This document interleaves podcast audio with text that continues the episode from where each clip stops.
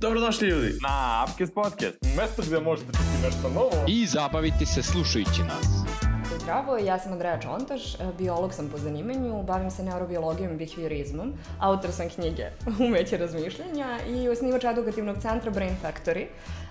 Bavim se razvojem procesa razmišljanja, komunikacije i ponašanja i učenja kod ljudi. Možemo da pričamo o tome. Hoćeš sad da pričamo o tome? Je? Hoćeš sad da pričaš o tome? Vrlo rado, jer smo krenuli nekako spontano u tu temu i Uh, iako tehnologija može mnogo da nam pomogne, jer kao možemo da iskopamo mnogo informacija različitih, sve što nam je potrebno, a s druge strane, mislim da se mnogo manje mi trudimo da, da tražimo informacije i očekujemo da će nam sve doći na gotovo. Gotovo, e, upravo to. E, tehnologija mnog, u mnogome može da nam pomogne u životu, ali s druge strane ne može da nam zameni mozak. E, a malo počinjemo previše da se oslanimo na nju u određenim domenima i pritom je dizajnirana na način da, da hakuje naše prirodne nagone. Dakle, mi smo u evoluciji napravljeni a, tako da tragamo za podacima. Svaki put kada prikupimo neke informacije iz okruženja, naš mhm. nervni sistem, to je dopaminski sistem, nas nagradi. A, dopamin je hormon fiziološke nagrade i svaki put kada uradimo bilo šta što predstavlja neki vid motivisanog ponašanja, nas preplavi dopamin i mi se onda osjećamo zadovoljno. Sve što volimo, volimo zbog njega. E sad, s druge strane, je i baza adiktivnih ponašanja. Kako što rekoh, evolutivno uh, smo, uh, od, mislim, razvijeni, razvijeni u okruženju u ono doba kada ste živjeli u pećinama i jurili se okolo sa, sa sabljozubim tigrovima i, med, i medvedima.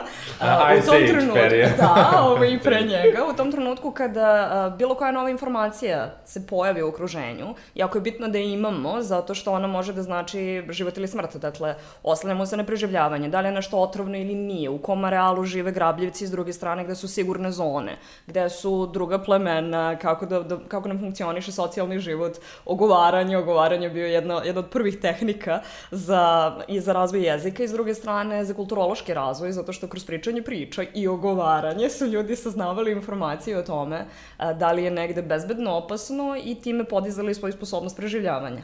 E sad, m, niz hiljada godina kasnije, mnogo, mnogo hiljada godina kasnije, dolazimo u moderno doba gde smo napravili okruženje u kome nema kraja podacima. I e, pogotovo u poslednjih, znači, 20 30 godina od kad je internet zaživeo u ovoj meri u kojoj jeste, e, dolazi do sasvim revolucije u prijemu podataka, a naš mozak i dalje je formiran u onom dobu praistorije, e, sa nagonom da prikuplja podatke i sa okruženjem u kome nema kraja podacima, dolazimo u jednu problematičnu situaciju gde imamo onda konstantnu adiktivnu potrebu da saznamo nove podatke. I to bi bilo okej, okay, da nas s druge strane ne hendikepira u drugim delovima misalnog procesa, a to je ukoliko svu energiju potrošimo samo na prikupljanje površnih informacija koje pritom, s druge strane, nemaju istinsku vrednost u kontekstu preživljavanja, sagorimo mentalne resurse i onda postajemo onako, znate one ljude koji su stalno u nekom hajpu, stalno nešto zuje, ovaj, u kontekstu jako plitko razmišljaju, jako su brzi, jako im kratko traje m, opsek pažnje, uh, i stalno imaju potrebu za neofilijom. Neofilija je potreba za novim. Mm -hmm. Znači, jako slabo se zadržavamo na bilo čemu, I šta to znači? Ukoliko nemam mentalnih resursa da se zadržim na nečemu duže od, od par trenutaka, šta onda? Dakle, svi dublje, sve dublje faze misalnog procesa onda padaju u vodu. Da, mislim da su stvari postale pre, previše jednostavne, jer se nama luči dopamin tako što samo svajpujemo jednim prstom i mi na pokret jednog prsta možemo da dobijemo neke, da kažemo, hormonsko izazvanu sreću, a koja nam suštinski ništa ne, nasi, ne, ne znači i ništa ne doprinosi za kasnije. E, upravo je tako. I sad, um, kad smo kod misalnog procesa, misalni proces, uh, o tome se inače i bavim u knjezi, uh, nije, uh, nije jedna stvar. Mi doživljavamo misalni proces kao nama se nešto smućka u glavi, pa mi imamo reakciju ili emociju ili, ili neki vid mm -hmm. verbalnog iskazivanja. Ali misalni proces ima faze. Dakle, prva faza je percepcija to je prijem podataka i to je ova faza koja nam jeste hakovana sada internetom. I koja se internetom. previše produžuje sada. Aha. M se produžuje, M biva preopterećena. A, kada preopteretiš ljude sa količinom podataka, sledeća faza u misalnom procesu te pažnja, ona strada. Jer ako je pažnja preopterećena, a inače je pažnja ovako blisko povezana sa samokontrolom, Ukoliko e, je resurs pažnje narušen, automatski je resurs samokontrole isto narušen, to jest ukoliko nemaš dovoljno mentalnih kapaciteta da se fokusiraš na nešto malo duže, uključujući sebe, mm -hmm. mala je verovatnoća da ćeš uspeti da se suzdržiš i da iskontrolišeš ta adiktivna ponašanja ili bilo koje to nagonsko ponašanje, gde ja dobijam neku fiziološku nagradu, a s druge strane nemam realan produkt toga. I nakon toga tek dolaze logika i razonovanje. Znači, tek nakon toga, kada prikupimo podatke, selektujemo ih fokusom, I, I nakon toga tek oni prelaze u domen uh, koji znači uh, logičko rasuđivanje, uh, donošenje odluke i iz toga proističe onda ponašanje ili emotivna ili verbalna reakcija. Evo, ajde da, da probam da vidim da li sam te shvatio kako treba. Da uzmemo sada za primer Netflix. Sad je, on je postao po, popularan u svetu, došao je kod nas, uh, polako se razvija i sad ja gledam epizodu na Netflixu i sad oni su sve epizode savršeno poređane jedna za drugom i čim jedna završi, Odmah on mi sledeća. 3 sekunde ovako i odmah kreće sledeća epizoda. I ja sam sad tu i dalje misanom procesu, razmišljam o prethodnoj epizodi, ne stignem uopšte do tog logičkog dela da razmislim da li treba da gledam narednu epizodu ili da li imam neke druge obaveze, nešto drugo što treba da radim, odmah je krenula nova, okupira mi pažnju i blokira me. Tako je, jer u tih tri sekunde, dok si ti dalje pod emotivnim utiskom prethodne epizode, pritom ste primetili da epizode sve češće se završavaju sa onim open ending, a to je Naravno. znači onaj moment gde ti ostavi kao šta će sada da se desi. Ove, I tri sekunde je nedovoljno da mi uh, sebi izbristrimo um od te, tog prethodnog emotivnog naboja i da donesemo realnu odluku koja kaže želim li ja sad ovo da gledam ili ne. Prilike te mrzi da ustaneš u tih tri sekunde, već počne ovo sledeći, ti da budeš kao kreneš, a neka. I samo se vratiš nazad i uploviš dalje u, u taj talas Netflix, epi, Netflix epizoda dok ne dođe do kraja sezone, otprilike. I onda. I onda bude kao, hm, gde mi je prošao dan? Otprilike je takva situacija, da. Mislim, ovaki ljudi nije Netflix toliko loš, oni su napravili dokumentarac sada socijalna dilema. Mislim, koji, ok, ako li ste gledali? Ne. E, nisam, ne. ali sam dobila preporuku da ga gledam i to možda od tebe. Moguće, vrlo moguće, vrlo moguće. I stoji mi tamo na to-do listi, tako da kad nađem vreme mi jeste namera da ga A, pogledam. Bukvalno, to je ono što ste pričali, što su počeli priču o dopaminskoj zavisnosti, o tim samo swipe, swipe, swipe. Meni se svideo, preporuka, preporuka, preporuka, pogledajte ga. Neću ništa da spojlujem, ali... Ti si dobio dve preporuke, jedan. Aha. Ne, ne, ne, ne voliš. Zato što je te- tebi već na to-do listi, meni još nije, tako da meni Ja sam dođe- napismeno, a ti... će- Tako E, je, ok, tako je, tako ok. Razumeli smo se. Hvala. Um, inače, čisto, evo čisto ono, tačka za razmišljanje. Na dizajnu konkretno Facebooka, a onda jel ti Instagrama, ovaj, a, je pored tima vrhunskih kognitivnih psihologa učestvovao tim ljudi koji dizajniraju slot aparate za Vegas. E, i, I samo to po sebi govori nešto. Dakle, mi bukvalno funkcionišemo po principu, pa kao majmunčići smo još uvek na tom nivou. I zapravo prvi eksperimenti koji su rađeni na temu dopaminskog sistema, to je kako je ot- otkriven centar zadovoljstva, to se desilo još 50. godina prošlog veka. Olds i Milner su dva kognitivna naučnika koji su uzeli pacovčiće i stimulisali im mozak uh, blagom strujom, znači diodama nekim, uh, na različitim delovima kore i uh, šta Ništa, setio sam se dioda od juče. A, I uh, pokušavali su zapravo da, da mampiraju koru velikog mozga, kao da vide šta se gde nalazi. I slučajno su uboli centar, uh, koji su onda nazvali centar zadovoljstva, to je zapravo bio centar za lučenje dopamina. Um, pacovi bi onda počeli da se ponašaju na određeni način, to je bili srećni i tako dalje, zadovoljni i ne bi se mnogo trudili oko drugih stvari. I onda su razvili eksperiment dalje. Postavili su im a, sa jedne strane jednu papučicu koju mogu da pritisnu i kad pritisnu papučiću, papučicu ta dioda ovaj, se upali i stimuliše im centar zadovoljstva i izluči se dopamin. S druge strane su im davali hranu, igračke, druge pacove za druženje i svašta nešto slično. Šta mislite šta su birali? Papučicu. Brže je, brže je. Isto kao sad. Jedan pokret Pritom, prsta. do 800 puta u satu su stiskali papučicu. Nakon toga, sledeći level eksperimenta, držani su uh, pothranjeni, to je sa manjom količinom hrane, desetak dana I nakon toga im je dati izbor hrana ili samostimulacija. Opet? Opet. Ovaj, I uh, hrana ili raspoloživi partner ili samostimulacija. Opet ovo. I um, problem sa ovime jeste zato što, kao što rekao, dopamin je baza svih motivišućih ponašanja. Dakle, životinje kojima je, ili ne daj Bože ljudi, kojima je ugašen centar za dopamin, uh, šta mislite šta im se desi? Depresija. Hm? Depresija. Mhm. -huh. I poslednji stadijum? Suicid.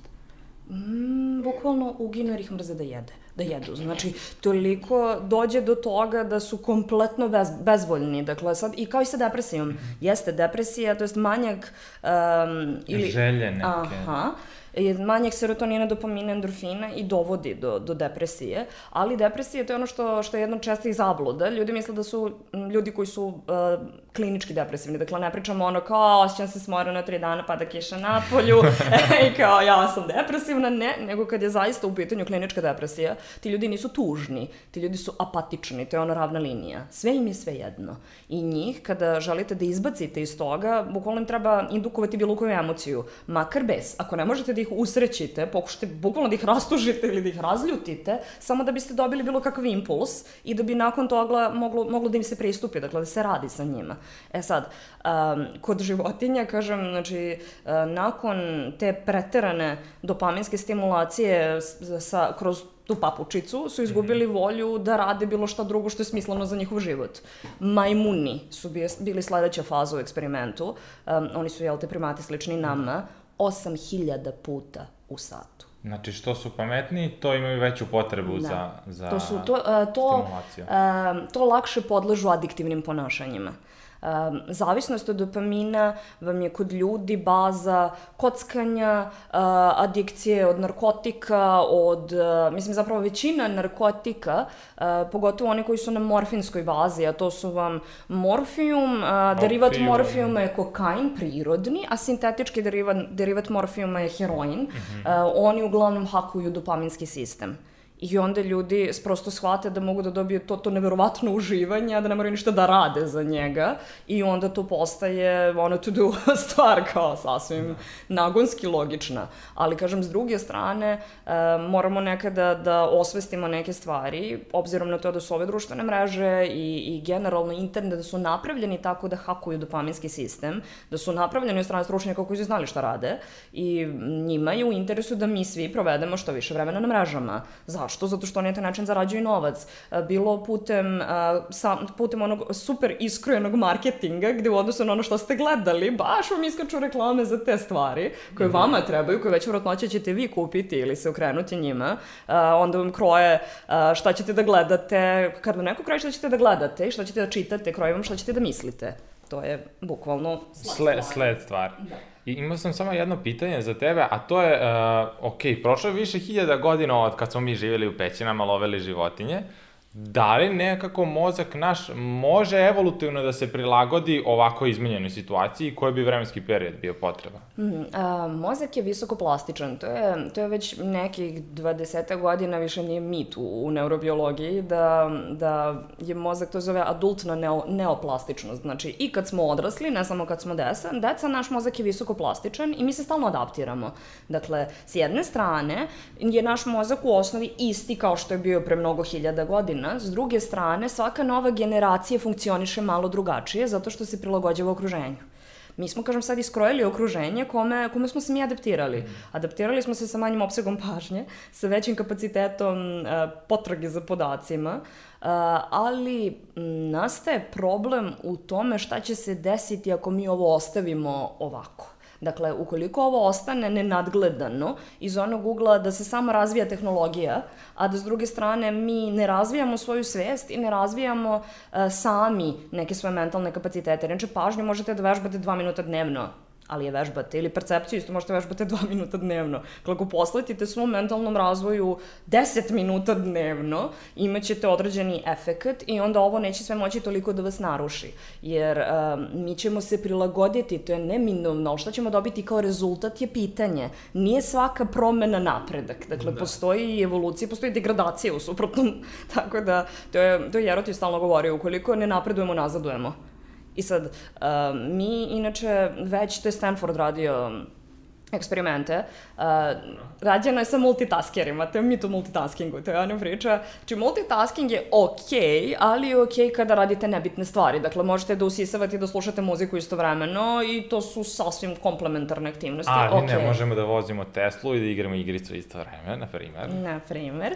Ili da učimo o nečemu i da istovremeno odgovaramo na poruke zato što svaki put kad nam nešto skrene pažnju, e, naša radna memorija, naša radna memorija je kao jedna mala fiokica koja ima određen kapacitet podataka, taj kapacitet podataka je pa onaj magični broj 7 plus minus 2, mada modernije istraživanje kažu da je idealan broj 4, znači da je 6 plus minus 2. Znači četiri podatka u jednom trenutku je najidealnije baratati njima. Svaki put kad ti nešto odvuče pažnju, zazvoni notifikacija, bilo šta, makar notifikacije, primetili ste koliko besmislenih notifikacija stiže. Nije sve što vam stigne na telefon nešto što ste želeli da znate. Čak većina nije. Čak većina nije, ali to je namerno tako napravljeno. Mm -hmm. uh, prekine ti uh, misalni procesor ako imaš ovako jednu malu fiokicu i ubaciš još koju informaciju u nju, neka ispadne. I šta onda ide u dugoročnu memoriju? Znači, zato što to je ta, ta fiokica, onda kao da sad ovako imaš lift koji onda pre, prenese fiokicu u skladište, to je dugoročna memorija. Ukoliko lift zaglaviš, ovaj, mnogo manje stvari prelazi u dugoročnu memoriju i počinjemo onda da imamo problem i sa pamćenjem, i sa smislenim razmišljanjem, i sa, i sa kritičkim mišljenjem, i sa kreativnošću, i sa svačim nečim. Evo, da možda povežemo, pošto mi smo svi na IT-em se bavimo, koliko toliko na fakultetu, i e, jedna stvar koju ljudi možda ne znaju je da računari isto redko kada izvršavaju više stvari paralelno. Uglavnom, o, samo izvršavaju na vrlo kratkim vremenskim periodima i menjaju a, svoje, to je svoje akcije, taskove da kažem, i ti periodi su toliko kratki da mi kao ljudi ne primetimo da on u stvari ne radi više stvari paralelno, nego star radi jednu drugu, jednu drugu brzo menja mm -hmm. i onda na taj način funkcioniše. Bukvalno na taj način funkcioniše i mozak. Znači, mi imamo da. niz kognitivnih centara uh, koji neki su, neki su povezani asocijativnim putevima bolje, neki malo manje, ali generalno uglavnom se samo brzo smenjuju različite funkcije u umu. E sad, ovo što sam htela vam kažem eksperiment za multitasking. Uh, većina ljudi danas voli da multitaskuje, to jest imamo tu iluziju. Popularno da, je. Popularno i imamo tu iluziju baš na osnovu ovoga što si rekao, to je toliko se to brzo desi u našem umu da mi nismo svesni da nam je nešto zaista odvuklo pažnju da nas je, da nam je, da nas je to koštalo određenog dela misalnog procesa.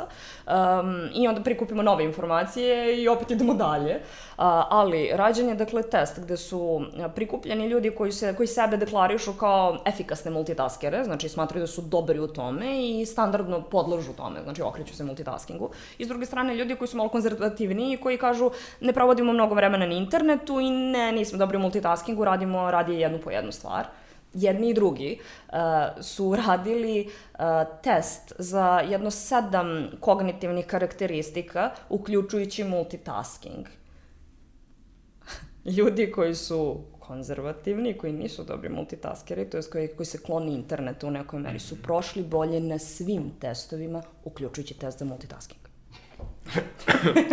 Iz tog razloga, ja kažem, mi, uh, mi se menjamo, ali bi bilo dobro iskontrolisati tu promenu na neki način. Jer ovo o čemu mi danas pričamo, uh, kad smo mi odrastali, znači pre 20 uh, godina, ovo nije bilo toliko bitno. Nije bilo toliko bitno raditi na svom mozgu na ovaj način na koji postaje bitno, zato što, kažem, svet se promenio i vreme je da se mi prilagodimo njemu, ali ne samo na onaj način na koji svet traži od nas, nego i onom obrnutom pravcu, to je ono što mi tražimo od sveta.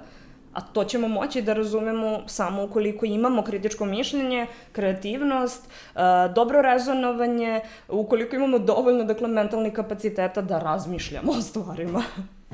Ukoliko vam je bila interesantna priča, nastavak možete čuti na našem podcastu, on izlazi petkom, tako da vidimo se i čujemo se. Šta me zanima? Mm. Uh, malo, je, malo je van teme, ali se donekle uklapa. A, u principu, zanima me da li su crtači, po tvom mišljenju, danas postali, postali gluplji.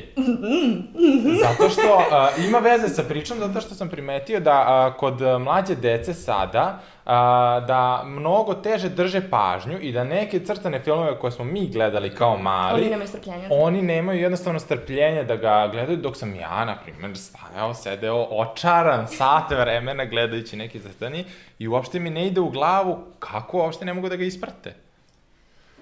To su ti ti efekti upravo, zato što vidi, a, kod male dece, a, otprilike od trenutka kada se, kada znaju za sebe, oni vide odrasle kako čačkaju svoje telefone i počnu to da traže. Dakle, ja imam, ja imam sa tatine strane malu sestricu koja sad je 7 godina napunila, znači da smo krenuli u školicu, ali ja znam da je ona sa 4 godine prvi put tražila mobilni telefon, nije ga dobila, hvala Bogu, ali, ali ona tražila i uh, želi da drnda YouTube, znači pre nego što je počela da čita i ona znala na YouTube-u sasvim lepo da nađe i pesmice koje želi da sluša i svašta nešto i mi smo i sad dosta ograničili pristup tome, ali generalno deca vide šta ljudi rade oko njih, deca su ponašajno, kopiraju ponašanje odraslih i to je ono, ono standardno pravilo. Dete ne radi ono što mu kažeš da radi, dete radi ono što vidi da radiš. Tako da, ovaj, uh, njima s druge strane nije formirana pažnja. Znači, mi smo do malo pre pričali o degradaciji mentalnih kapaciteta kod odraslih. A šta ćemo sa decom kod koje nikad, oni nikad nisu dobili priliku da im se uh, mišić pažnje, pošto pažnja funkcioniše kao mišić, dakle, ili ga treniramo ili atrofira, uh, oni nikad nisu to formirali. Iz tog razloga se dešava to što primećuješ, a to je da ne mogu da isprate. Njima to nije zanimljivo. Oni to ne doživljavaju kao da ne mogu da isprate. Oni to samo doživljavaju kao, ale, spora ova radnja, kad će više nešto da se desi, a ne zanima me ovo video, mama ima nešto interesantnije. To je to konstantno pucanje pažnje, konstantna potreba za neofilijom, znači konstantna potraga za novim podacima. Ja sam skoro počela da radim mislim, pošto držim edukacije i počela sam, to jest razvila sam jednu edukaciju, jednu radionicu koja je namenjena, rod, namenjena roditeljima, baš zbog ovoga, da pričam sa roditeljima o tome kako se razvija percepcija i pažnja, da znaju da rade na sebi, a da rade i na svojoj deci, zato što upravo je ovo počelo da se dešava i prethodne nedelje, baš kad sam držala tu jednu radionicu, dobila sam pitanje od majke koje meni je bilo malo onako nepojmljivo, jer kažem, mi smo odrasli u nekom drugom okruženju, sasvim drugačijim situacijama, gde je žena rekla, a pritom je jako obrazovana, poslovna žena, dakle nije neko ko, koga, koga smatrate da, da ne može da rezonuje da ne može da donese neke logičke zaključke. Kaže, mislite, treba nekada sami da se igraju? I ja kao, hmm, da, jer u suprotnom roditelji nemaju mira, zato što deca stalno traže od njih stimuluse i stalno mi dosadno. I onda sam ja rekla, morate da im dopustite da im bude dosadno dovoljno dugo da prezupče. Znači, kada vam je dovoljno dugo dosadno, u jednom trenutku prezupčite taj moment i klikne, upali se kreativnost. Kad se upali kreativnost, deca onda mogu se igrati s jednim štapom, mi smo se lepše igrali s blatom i štapom, nego neko što se sada igra sa pet telefona i 17 robota i 520 nekih igračaka. Tako da kreativnost radi uh, upravo na nedostatku stimulusa. Kada ti je dosadno, ti smišljaš alternativne rešenja, alternativne puteve. Kada ti je super zanimljivo, zašto stalno dobiješ nešto na gotovo, što bi menjao? Zašto bi menjao bilo šta? Pa logično je, da. E sad, ja imam pitanje, ta, ta, ta radionica za roditelje, je to za novopečene roditelje ili za koga, mislim... Mogu i staropečeni, može kako god pečeni. može, kako god pečeni, a, može, znači kogod da primećuje da, da kod njegove, da, da želi da radi sa decom ili kogod primećuje da na takvim stvarima, to je prepoznaje ovu problematiku i želi da radi na tome, je dobrodošao. Mislim, ja uglavnom radim sa studentima, eventualno srednjoškolcima i sa odraslima i radim na razvoju e, procesa razmišljanja, e, to je i tematika same knjige, radim s druge strane na procesu e, ponašanja i komunikacije i na, i na učenju. Dakle, to su neka tri domena. Razmišljanje, ponašanje i, i učenje, kroz koje se mi svi ostvarujemo kao, neke, kao ličnosti. Tako da, ove edukacije su namenjene bilo kome ko spoznaje potrebu da radi na sebi na taj neki način, tako da nije, nije ograničen. Dobro, ne, to što jedan od moj, ja sam to prepoznao kod nekog od mojih rođaka da bi možda trebali da rade, jer a, imaju dete, mm. tipa ima godinu i nešto, godinu i nekoliko meseci, i ono da bi jelo mora da ima upaljen crtani. Aha, ne, to mora da preseku. Znači, i, i to što je najčešće jeste da, da ironija u celoj priči samo malo samokontrola. To je taj moment, morate, morate da istrpite ukoliko je detetu nešto već narušena pažnja. I, i tako vaspitano da ne može bez stimulusa da funkcioniše, morate da istrpite njegov haos koji će praviti par dana ili par sati, zavisi koliko, koliko je kom detetu potrebno. Um, I neće biti prijatan taj period, ali to je period koji je neophodan da bismo prelomili neku situaciju. I nakon toga je jako jednostavno, dakle, samo uh, ograničiti pristup. Jer nije poenta svega ovoga da se mi vratimo u te pećine i da ne koristimo svoje telefone, internet i, i socijalne mreže, nego je samo poenta da osvestimo šta nam rade, i da o, one, da tehnologija nama služi kao roba ne obrnuto, ne mi da robujemo njoj. I u tome znači cela razlika, ograničiti pristup, pogotovo kod dece koje ne donose sobstvenu odluku um, o tom ograničavanju, ograničavanju pristupa, jer oni to ne razumeju, tako da to je posao roditelja. Dakle, samo, uh, samo umeriti ono što radimo, to važi i za nas odrasle. Kad ideš, ne znam, na trening ili izađeš napolju sa drugarima, ne treba ti telefon realno, ja kad sam sa svojom najboljom drugaricom u kraju, telefon je kući. Dakle, ja ću se vratiti za dva sata, mi šetamo po kraju, neće se sve srušiti bez mene, neće mi ni posao propasti bez mene, neće se ništa desiti bez mene. Ovaj, tako da sve će sačekati. Kad idem na trening, ne nosim telefon kad idem da šetam po prirodi, stoji negde u rancu ugašen. Tako da, dakle, sve što možete da propustite u nekih pola sata ili sat vremena bez telefona nije ništa nepremostivo kada znate da čekate hitan poziv u redu, ali u svim suprotnim situacijama to treba samo da prestane da bude navika, jer um, navike su automatska ponašanja. Problem sa navikama jeste što kada se uspostave, uh, kada upadnemo u tu petlju, mozak se gasi ide na autopilota, a to je cela poenta navike. Uh, navike postoje, to jest autopiloti postoje kako bismo, uh, kako bismo mogli da učimo nove stvari. Jer u trenutku kada, kada neka ponašanja odu automatska, ceo ostatak mozga uh, ostane slobodan da se bavi novim stvarima. Zato nešto što ste prvi put učili kao, ne znam, vožnja bicikla ili kola ili bilo čega je u prvoj fazi jako kompleksna radnja. Uh, imam, ne znam, ja sada učim da vozim. imam, imam papučici, imam volan, imam glupe pešake koji su danas krenuli negde. imam, znači, imam mnogo stvari da ispratim u okruženju. Um, I meni je to mnogo, ali kada budem vozila cenim godinu, dve, tri, pet, moći ću bez problema da razgovaram na neke teme sa ljudima. Mislim, ne znači da, da treba da pričam telefonom ili što slično, ali moći ću, to je poenta. Moći ću da pričam sa nekim ko sedi pored mene ili da planiram šta ću raditi za vikend ili da razmišljam o nečemu sa svim petom, dok ili... vozim koji je otišao na automatizam. Ili barem da se ne stresiraš do, dok voziš, da nemaš taj, tu vrstu pritiska. Pa jeste, mislim ja otprilike isto prolazim kroz ličan period. Doduše, evo ja već godinu dana, da kažemo, aktivno vozim i sad, na primjer, osjećam koliko je prešlo, na primjer, u automatizaciju, dobrim delom, gde meni sad više nije problem da ja sedem u kola i da se odvezem bilo gde. A pre godinu dana je zahtevalo to da ja pogazim sve oko sebe, sednem sam, fokusiram se, nema muzike i polako idemo. Mene su izbacili za kartinga pre tri dana. Zašto? Zašto? Zato sam opasna po saobraćaju. malo, malo više, molim te. Pa eto. ne bih ulazila dublje u to. Okej. Okay. Čekaj, karting je veše samo gas i kočnica? Samo gas. Karting je samo gas. Kočiš sam. Oduzmeš gas tako koči. Tako je. A, a... Ne baš, nego, nego ne oduzmeš gas i onda ti izbaci.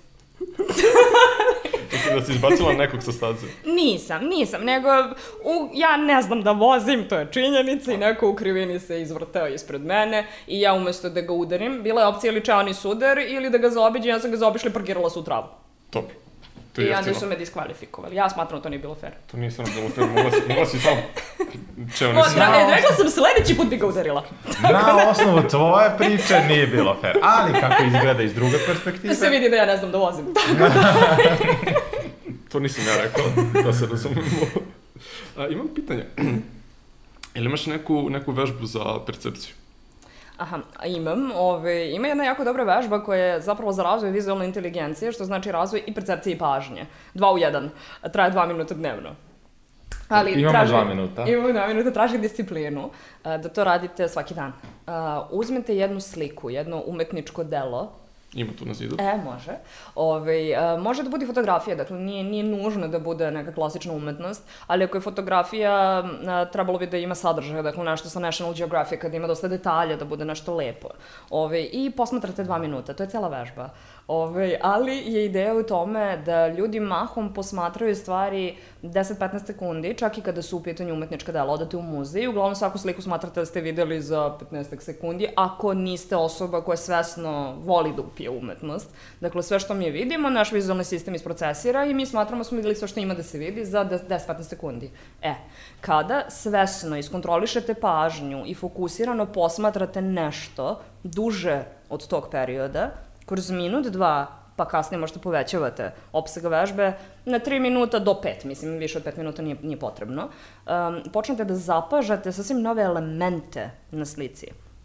Ja sam nalazila cijele nove likove, ovaj, zato što su uglavnom sve, sve slike kompleksnije nego ono što mi prvo mislimo da vidimo. Nakon, nakon određenog vremena dolazi do tog razvoja ne samo prikupljanja podataka, nego naprotiv tumačenja podataka. To je taj sledeći korak. A, taj korak kaže da vi ne možete proceniti situaciju ili razumeti emocije ili zaključiti nešto više o likovima na slici, šta oni rade, u kom periodu žive, kako se osjećaju, gde su krenuli, šta misle i tako dalje. To je nešto što ne možete da shvatite za 10, za 10 ili 15 sekundi. Za dva minuta već možete.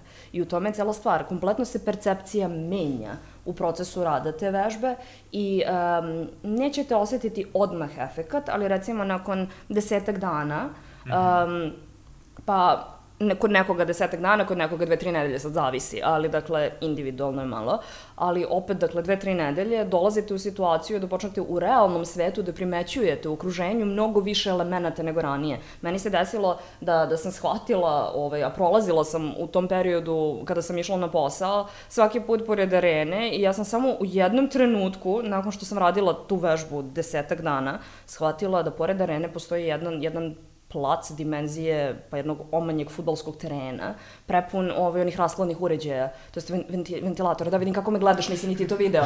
To je dimenzija jednog futbolskog terena. Dakle, i ovako idem pored toga svaki dan kao, šta je ovo?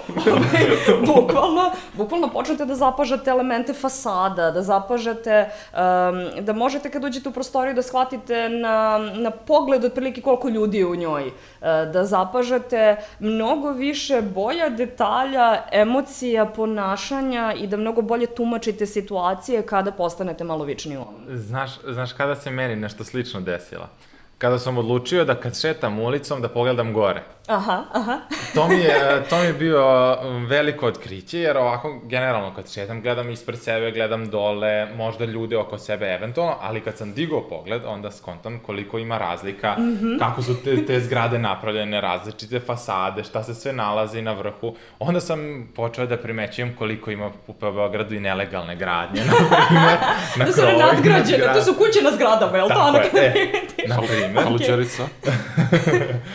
Tako da, a, to je bilo nekako moje otkriće i mislim da je dosta vezano za to. Inače, za tehniku sam a, čuo, to jest čitao, Uh, mislim da je bio Kaluđer koji je prodao svog Ferrarija, znači Aha, Robin Sharma, uh, on je to nazvao tehnika ruže. I on je rekao uzmite jednu ružu, jer je ruža ima puno latica, kompleksna, ima dosta različitih stvari i ista je tako bila priča.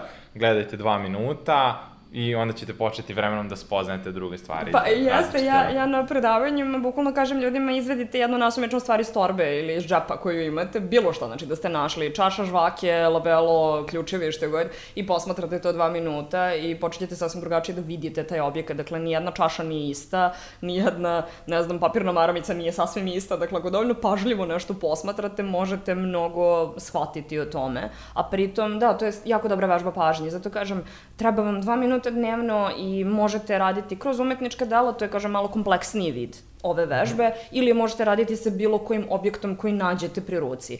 I opet radi. Tako da, eto, to, to je jako dobra stvar. A inače, ovo što si rekao sad gore za fasade i za to, mm -hmm ima, ima jedna vežbica koju zapravo radim sa ljudima na treningu brzog čitanja.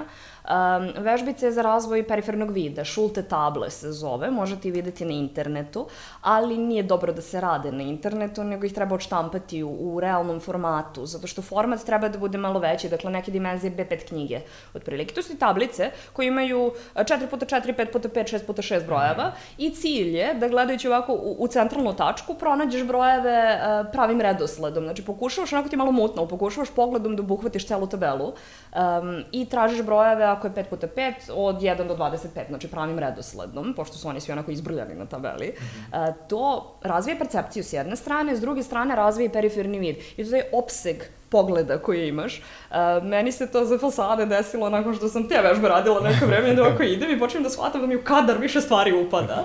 Ovaj, a inače sam ja osoba koja generalno, mislim, biolog sam i, i onda ja volim, ne znam, volim i prirodu, a volim i s druge strane astronomiju i tako nešto, kod jako često idem ovako i gledam gore, kao gledam sazvežđe ili nešto. ovaj, ali, šta radiš, Maleks? Imam tetovažu sazvežđa. A imaš tetovažu sazvežđa? Da. E da, u stvari pokazao si. Ove, a, da, nećemo gledamo Aleksu, nego ipak pravo sazvežđe. Ali i to je inače isto dobra vežba i za uh, opuštanje, mentalno opuštanje, gledanje prirode, gledanje lišća na drveću, gledanje sazvežđa, dakle, E, da, prosto je malo pametno. da se, da se rastavim, gledanje oblaka. Ako tražite određena obličja u oblacima, to je sjajna vežba opet te neke vizualne inteligencije i pažnje, zato što razvijate i maštovitost oko onoga na što vas podsjeća neki oblik oblaka. Tako da, na, na sasvim neke prirodne i, i male igrice koje možemo na dnevnoj bazi sebi u praksu da uvedemo mogu drastično da, da razviju naše mentalne kapacitete. To su stvari, mnoge stvari koje su ljudi ranije radili, a mi Upravo. smo danas zaboravili. Zaboravili, Koliko je tako bilo je. situacija i, i mnogo priča u kojima se pomenja gledanje u oblake, traženje različitih oblika o njima, zvezde, ljudi su stalno gledali u zvezde, na osnovu njih su se orijentisali i oni su u stvari uh, kroz normalno svoje ponašanje svaki dan vežbali tu svoju pažnju. Tako je. A mi danas to nemamo. Zato što I imamo druge moramo- stimuluse i onda se ne Tako je. okrećemo ovima. I onda mi moramo sad sami da, ajde da kažemo da se nateramo, da vežbamo te stvari. Ovaj, I u tome jeste stvar, bude teranje prvih par dana, nakon toga počne ti prije. Zato što sve te stvari imaju određenu lepotu u sebi i na određeni način um, nisu ljudi džabe izmislili umetnost. Mada primećujete i razliku između moderne umetnosti i, i nekadašnje umetnosti. Ne, ne bih da budem snižosvodljiva prema bilo čemu, moj brat je vajar, znači, ali išla sam na izložbe onda našeg fakulteta umetnosti i ovaj, ima, ima jako lepih dela, dakle ima sjajnih umetnika, s druge strane ima osoba koja je nakupila đubre iz meka i stavila kao postavku. Uh, ta postavka ima socijalnu poruku. Dakle, socijalna poruka je koliko mi uh, narušavamo ekologiju tim potrošnim smećem koje pravimo ili možda postoji još neka poruka vezana za kapitalizam i za potrošačko društvo i za mek i za sve slično, ali iz ugla uh, umetnosti, to jest veštine umetnosti, ja ne bih jednog Rembrandta poredila sa đubretom iz meka. Ja imam, ja imam kratak bullshit kad smo već kod umetnosti. A, ne znam, ne znam, državu, grad, ni, ni neku gal, izložbu umetnosti, umetnosti, ali dva studenta su došla u tu galeriju i našli su neki prazan sto i samo su stavili jedan ananas tu. I su otišli su. jedan? Ananas. Ananas? Da. Aha. I došli su, tipa, pošto je to bila izložba nekih umetnosti, ona je trajala duže. Došli su posle četiri dana, oko tog ananasa je bio, kako se kaže, poklopac. Mislim, nije poklopac, nego staklo, kao po sistemu, to je umetničko delo. Jedan ananas koji su samo stavili. Hej, um, meni je to baš brat objašnjava, jer sam njega onda pitala baš upravo o tim nekim umetničkim konceptima. Kao, umetnost je način razmišljanja, to jest umetnost može biti svašta i može biti i način razmišljanja koji na neki način daje određenu socijalnu poruku ili nagna ljude da razmišljaju o nečemu na, kroz drugačiju prizmu. Tako da, ima tu nečega, ali s druge strane jeste kompletna banalizacija onoga što bi umetnost mogla biti. Ali danas ljudi za tu klasičnu umetnost uglavnom nemaju strpljenja. Ko danas čita poeziju ili ima, ima volje da razume filozofiju ili gleda zvezde ili, mislim, ja to sve volim, ja sam takva osoba, ali takvih ljudi nema mnogo. Ovaj, Znam zato što mi je jako teško da nađem nekoga s kime to može se razgovara. Može sa Aleksandrom. Aha, evo Stefan, e, ja, divno. Do, pridruži nam se. Slobodno nam se pridruži. Brate, muka mi dok ja dođem do mikrofona. Ajde, ajde, to ćemo, to ćemo, to ćemo. Dobro, kad to ćemo kratko. Ti si Malek se očigledno jedva čekao da se pomeriš. Nije nisam da čekao, ali dao sam te priliku da pričaš. Više stvarno. ne snimamo, pa se više ne vidi da je lep i onda Da, ne želim, nema nema poente da da bude tu, da. Pa dobro, mislim... Ne, ja sam uzeo baš Platona od skoro da čitam, nisam... Nisam ranije nikad bio ono u fazonu, sad ću ja čitam filozofiju. Ja sam zaljubljenik u filozofiju od prve godine gimnazije, tako da to mi je ona. Ne, to je, ali stvarno otkrivam i ono, mnogo mi se sviđa kako je on razmišljao i kako je u stvari pomagao ljudima da dolazi, da oni sami donose neke zaključke. I onda čitam ovo, treba da se udubim u to, ne mogu da čitam, Spola mozga. da. Znači, telefon ne sme da bude pored mene. Mislim, i sve su mi notifikacije ugašene, ono što si ti malo prepričala, tako da ništa mi ne stiže osim kalendara. I ono, ali, da, stvarno, od skoro sam počeo čitam, jer sam sve čitao one o ličnom razvoju i onda mi se više to smučilo.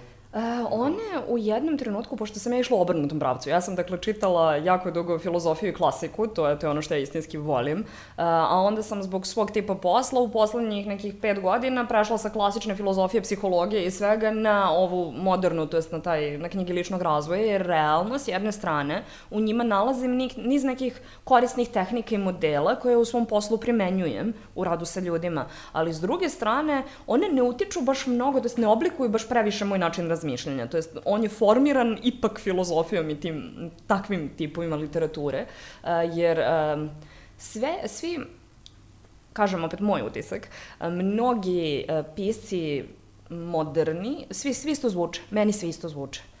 Um, vidjet ćeš kada uđeš malo u filozofiju, nema šanse da zameniš jednog Platona za jednog Kierkegaarda ili Nietzschea ili Schopenhauera ili Hegela, zato što svako od njih ima svoj glas, ima svoj način razmišljanja i nećeš se sa svime složiti, to je sasvim okej. Okay. Dakle, nije poenta u filozofiji re- reći na sve da, jer je baš poenta filozofije sve preispitati, tako da mnoga mišljenja ti možda neće, neće biti u skladu sa, sa tvojim pogledom na svet ili sistemom vrednosti, ali valja razmisliti o njima i valja upotrebiti sve mentalne kapacitete kako bismo o tome i razmišljali, jer inače, hajmo da porozgovaramo o ličnom razvoju iz tog ugla sve što ti je prelako, sve što ti je jako lako razumljivo i sve što dobiješ zdravo za gotovo, što možeš da radiš pola mozga, nigde ne razvija tvoje kapacitete, to je ispod tvojih kapaciteta.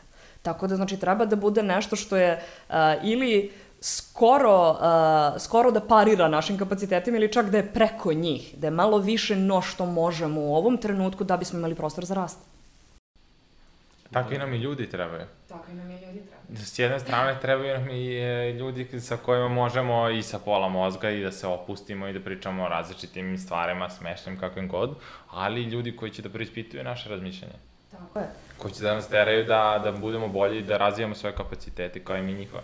Pa tako je i to je otprilike ona umerenost i ključ svih stvari, to je budistička izreka. Dakle, potrebno nam je u životu i razonode i opuštanja i s druge strane aktivnog razmišljanja i neke dubine i, i svačeg nečeg da bismo mi, dakle, uspeli da uspostavimo neki životni balans. Isto kao što je da ti treba i posao, a treba i ti prijatelji, a treba ti i neki intimni odnos, a treba ti i kompletno vreme za sebe koje, koje je samo, dakle, period proveden u samoći. Um, nije, nije samoća i usamljenost isto. Ljudi danas opet zbog socijalne preopterećenosti počinju da beže od samoće kao da je nešto što je, što je kao, o bože, sediš sam i piješ kafu, mora da, mora da niko neće da se druži s tobom, kao šta ćemo sad? Ovo, ili ne daj bože ideš sam u šetnju ili na more ili ne znam šta, to su sve stvari koje su danas dosta onako socijalno nepojmljive. Um, a zapravo nema ničeg lošeg u njima. Jer ukoliko ne damo sebi vreme da budemo sami sa sobom, znači ako ne mogu sama da trpim svoje društvo, a što bi ga iko drugi trpeo? Pa zaista. isto, isto rečenicu sam koristio kad sam pričao sa svojim drugarima. Ovaj, zato ja, na primjer, volim da sednem, ajde, sedem na terasu sam sa sobom, popijem jedno pivo, lagano, ovaj... Pa drugo, razmišljam- treće, šalim se. Ne, jedno, kad sam sam jedno, kad sam u društvu može, kad sam u društvu može, ali ovako kad sam sam jedno, samo sam sa sobom, gledam preko terase, razmišljam, šta god mi padne na pamet i nekako kroz to uh, spoznam koliko sam ja miran sam sa sobom. Ako sam miran, opet, ako sam dobar sam za sebe, bit ću dobar i sa drugim ljudima. Ako sam konstantno sa drugim ljudima, jedan period sam se stalno družio, idemo ovde, u, u jednom danu sa tri različite grupe ljudi se vidim I onda nisam siguran više da li idem samo po inerciji zato što ne mogu sam sa sobom da živim ili se tako samo namestila situacija. I onda mi je potrebno malo da sednem, da budem sam, nema veze, može to biti i kafa, da čisto da osetim kakav sam.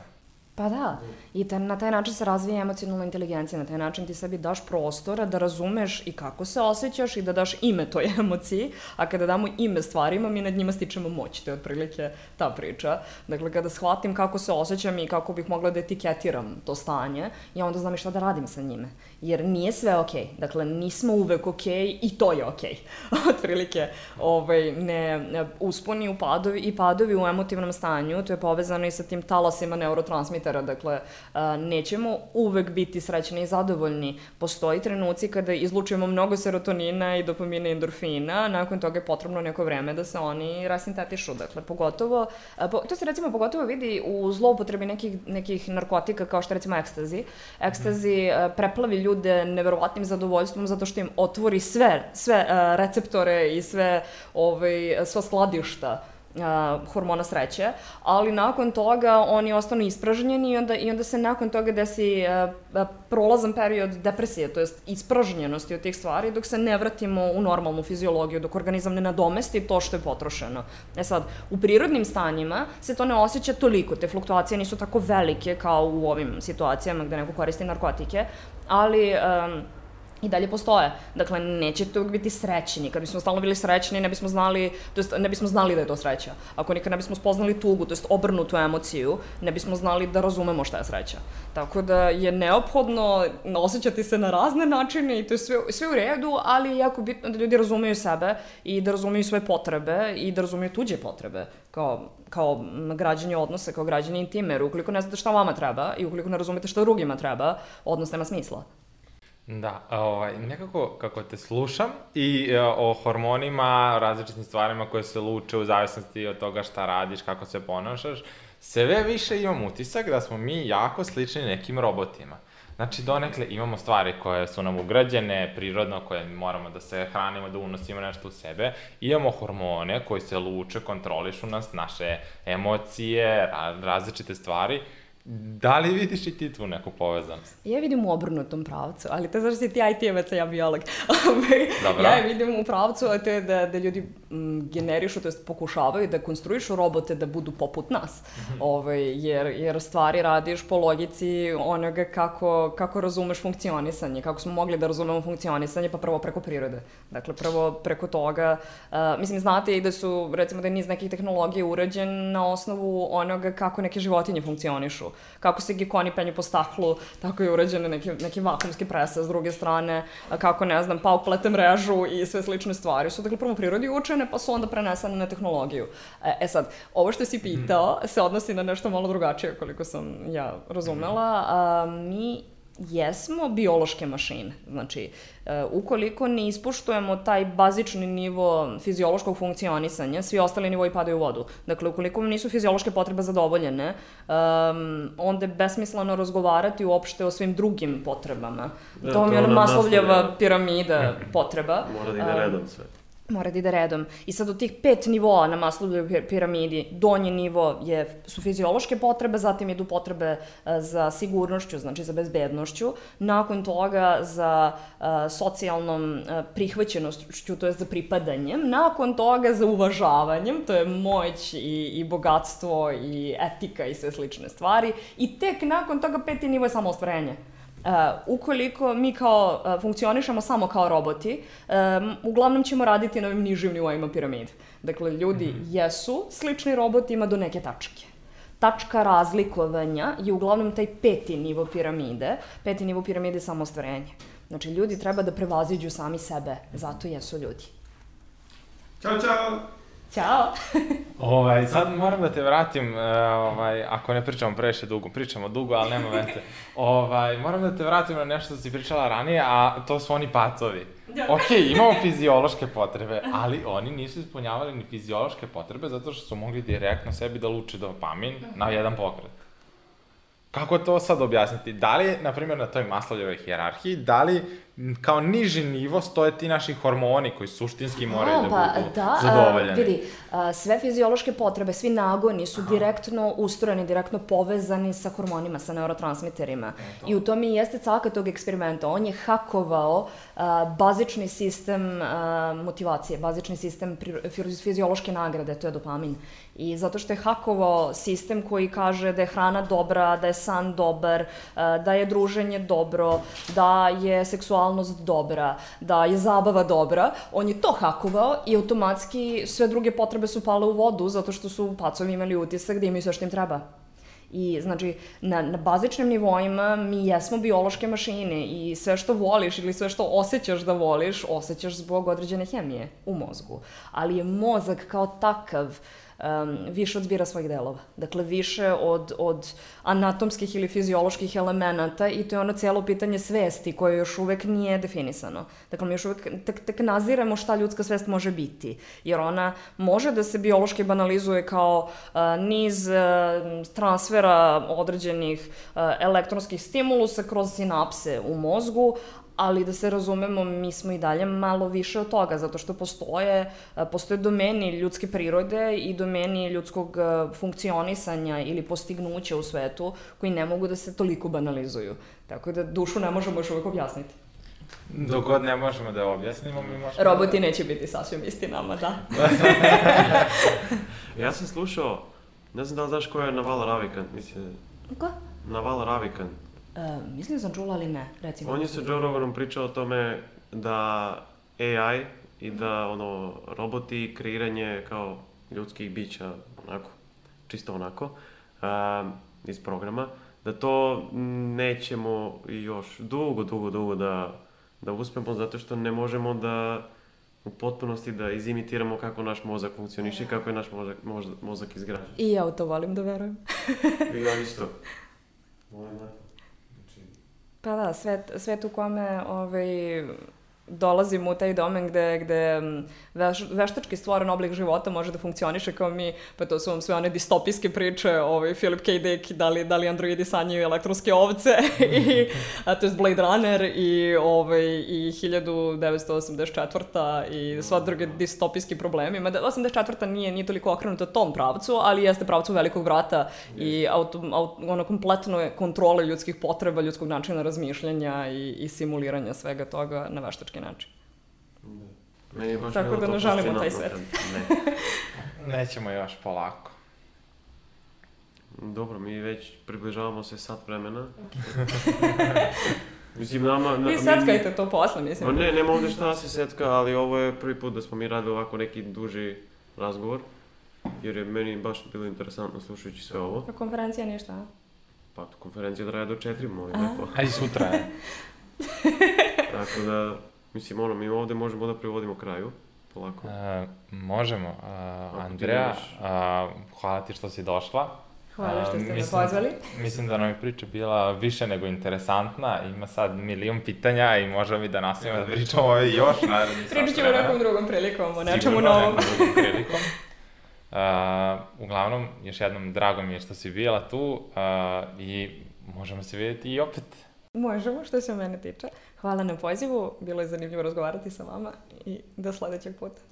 I to je to za danas ljudi, nadamo se da ste uživali u novoj epizodi i čujemo se sledeće nedelje. Pišite nam ako vas interesuju neke nove teme koje bi mogli da pričamo. Ćao! Zapratite nas na Instagramu, YouTubeu, LinkedInu.